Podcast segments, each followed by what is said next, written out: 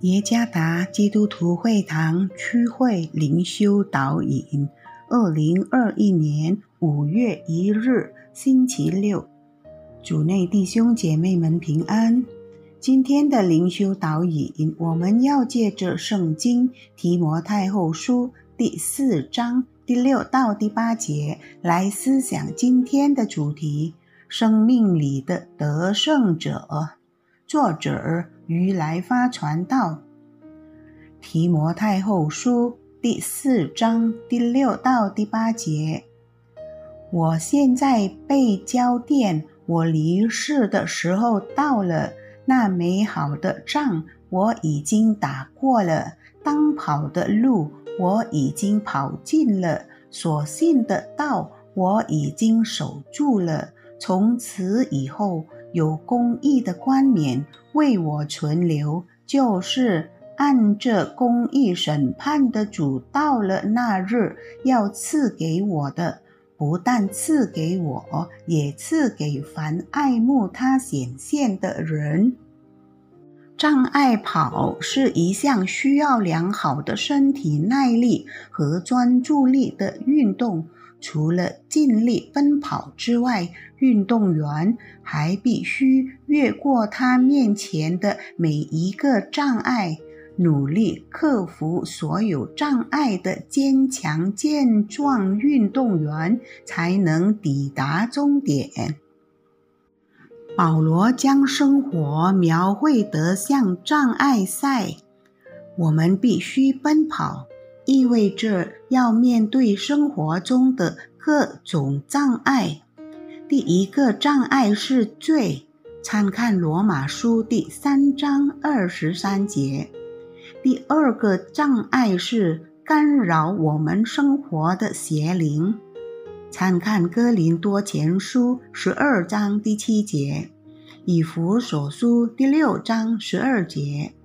第三个障碍是软弱的自我，参看提摩太前书第一章十五节，雅各书第一章十四节。第四个障碍是压在我们身上的生活苦难，参看哥林多前书十一章二十四到二十五节。那些障碍并不容易经历。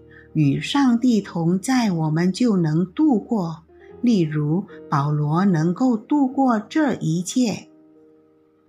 他说：“那美好的仗我已经打过了，当跑的路我已经跑尽了，所信的道我已经守住了。”保罗在面对所有障碍时，并没有对上帝失望，恰恰相反。他对能完美度过生活而感恩。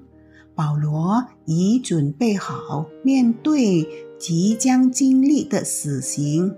他并不总是被别人喜欢，也不总是经历令人愉快的事情，但是他始终忠心地讨上帝的喜悦。他的生命的竞赛结束了。他已经成为生命得胜者，上帝欢迎他成为天堂的得胜者。生活确实面临很多挑战。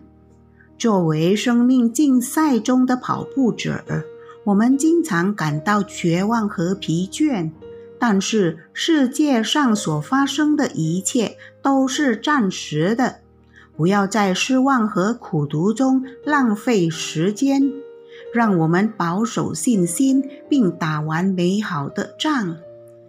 当时候到了，我们可以像使徒保罗如此说：“那美好的仗我已经打过了，当跑的路我已经跑尽了，所信的道我已经守住了。”提摩太后书第四章第七节。成为生命中的得胜者吧！不要为生命而哭泣，而要成为生命中的得胜者。主耶稣赐福。